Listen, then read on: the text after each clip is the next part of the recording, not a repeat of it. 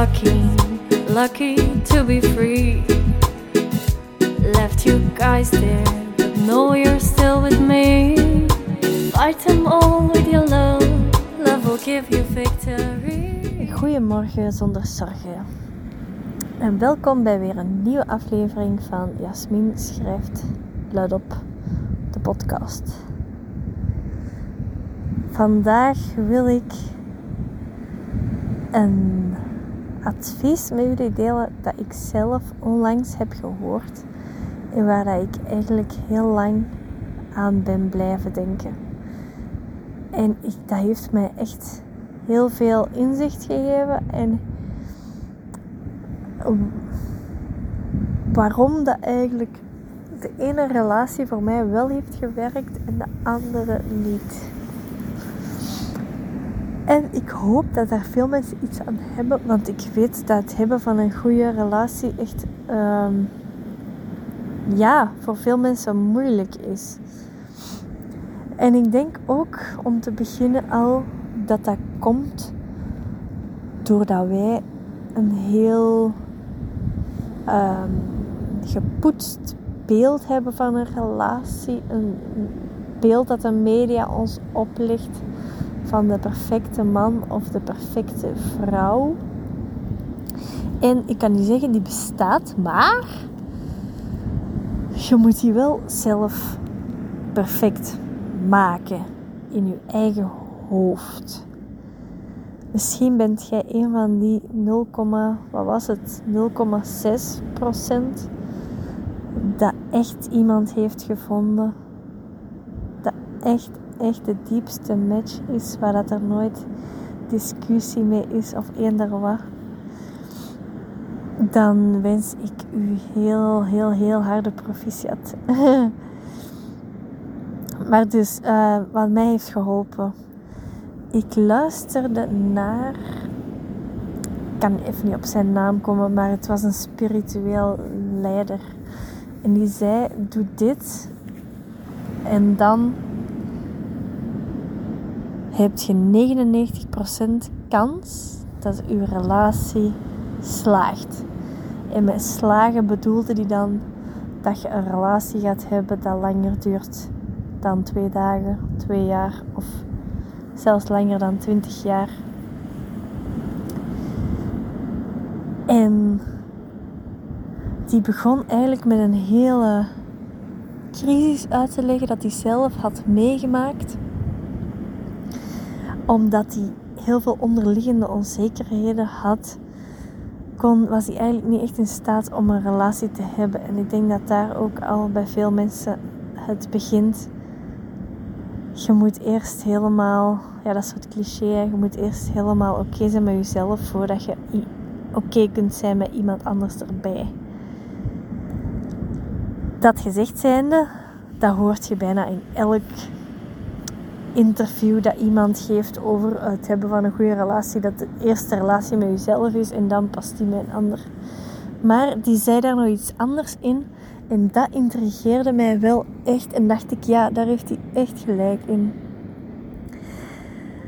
Want ik was bijvoorbeeld samen met mijn vorige vriend en daar was het zo dat op lange termijn wij eigenlijk onmogelijk nog konden blijven matchen.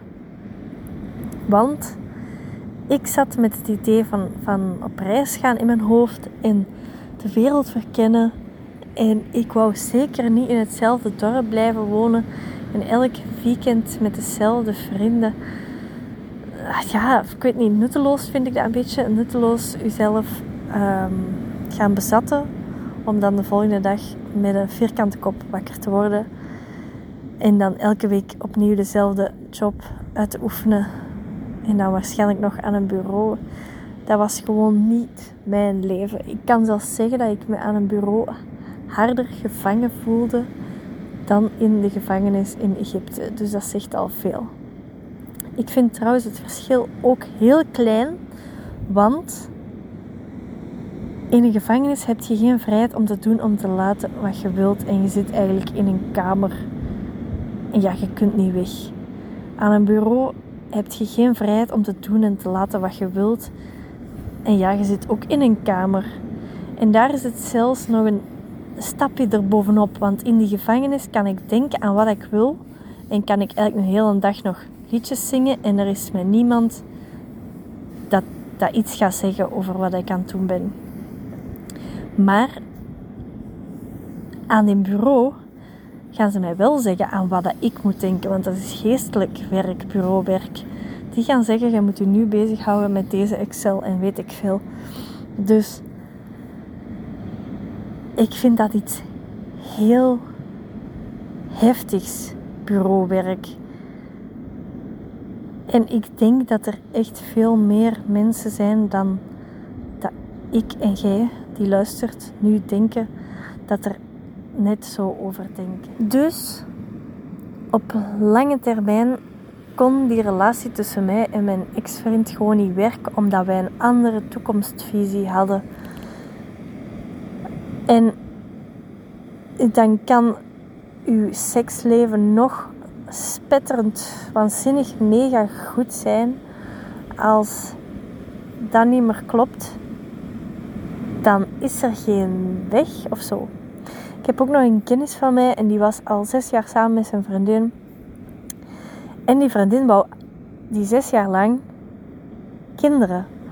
Maar hij wou dat van in het begin af aan niet, heeft dat nooit gewild en heeft dat echt in het begin ook duidelijk gemaakt. En naarmate dat die relatie vorderde, zag je echt dat die perfect bij elkaar pasten. Die waren zo romantisch, die waren echt gemaakt voor elkaar precies. Als je daar naar keek, dan werd je echt spontaan jaloers. Maar uiteindelijk zijn die uit elkaar gegaan omdat die vrouw echt gewoon kinderen wou. En die is uiteindelijk naar een spermabank gegaan. Of ja, die heeft een donor gezocht. En die is zo eigenlijk alleenstaande moeder geworden. Dus dat is echt iets groots. En dus wat zeiden ze? Je zou eigenlijk met je partner of met jezelf, als je nu single bent, gaat dat ook, een blad papier nemen, Alex of jij alleen. En dan schrijf je op dat blad papier wat dat je de komende tien jaar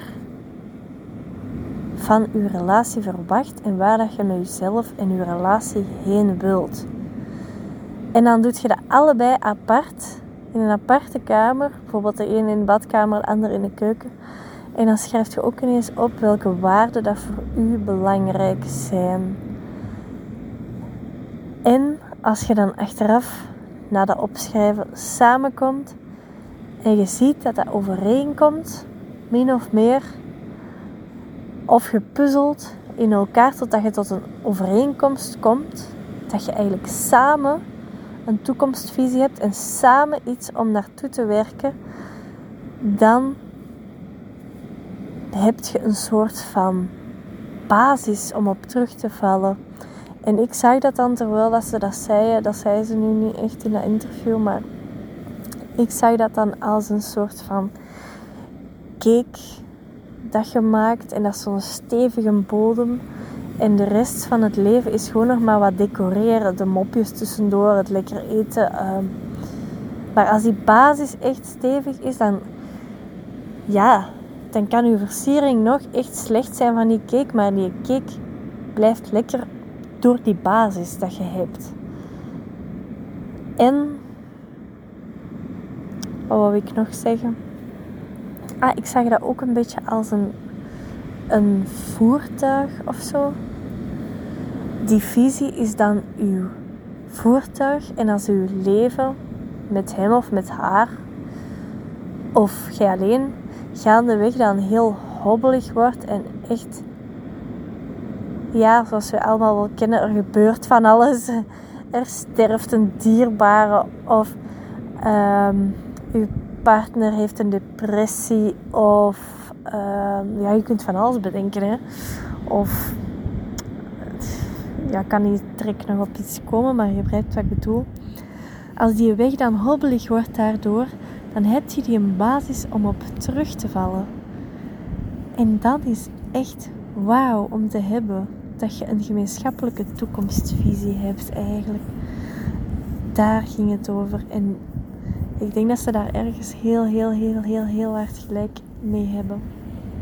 Um, familie van mij had bijvoorbeeld, hij had een vriendin en hij wou naar Australië gaan surfen en naar Thailand en hij had al die dromen van op reis gaan en zij was een advocaat en was eigenlijk vrij serieus en wou eigenlijk gewoon werken en iets opbouwen en op eenzelfde plek blijven.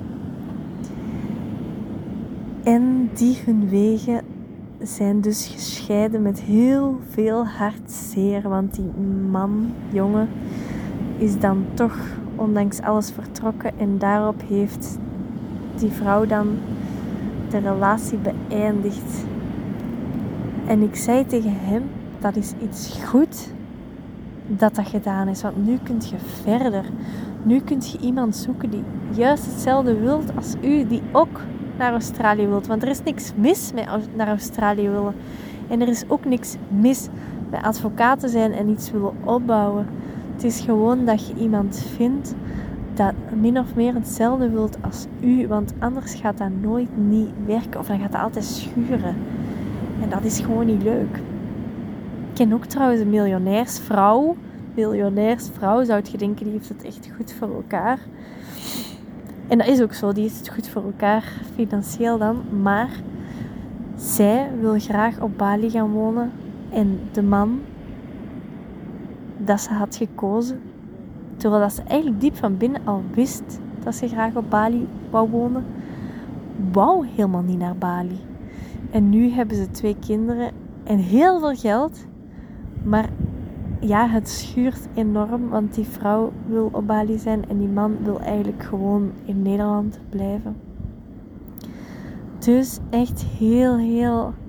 Voor mij zou dat nu zelfs zover zijn dat na zo'n oefening, dat ik zeg van je schrijft uw toekomstvisie op, wat ik net aanhaalde, dat als dat niet overeen zou komen, dan heeft het geen enkel nut voor mij om nog één dag en dat klinkt heel hard, maar dat is wel echt zo.